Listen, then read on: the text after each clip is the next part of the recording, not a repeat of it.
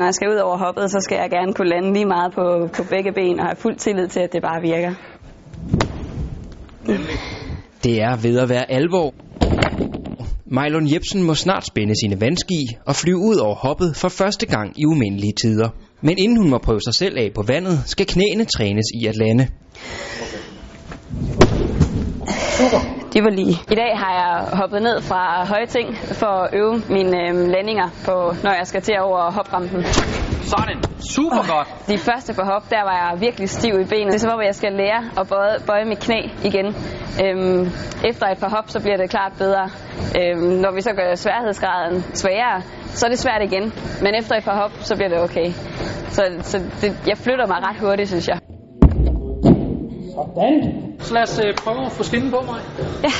Landskihopperen skal efter sine første hop iføre sig sin nye skinne, som hun også har med på vandet. Noget, der har krævet lidt tilvænding. Jeg kan mærke, at der er noget på mit knæ, øh, og helt nede i de dybe benbøjninger, der, der kan jeg godt mærke, at den, den hæmmer en lille smule, men den giver mig også bare noget støtte.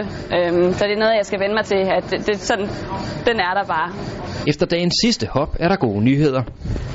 Sådan. Det ser stabilt ud, og det vigtigste for mig, det er, at du kan komme ned i den dybde, som du har brug for, når du kommer på vandet. Og dermed er det bare om at komme over hoppet. Når jeg lige har været over første hop, så bliver det helt normalt igen.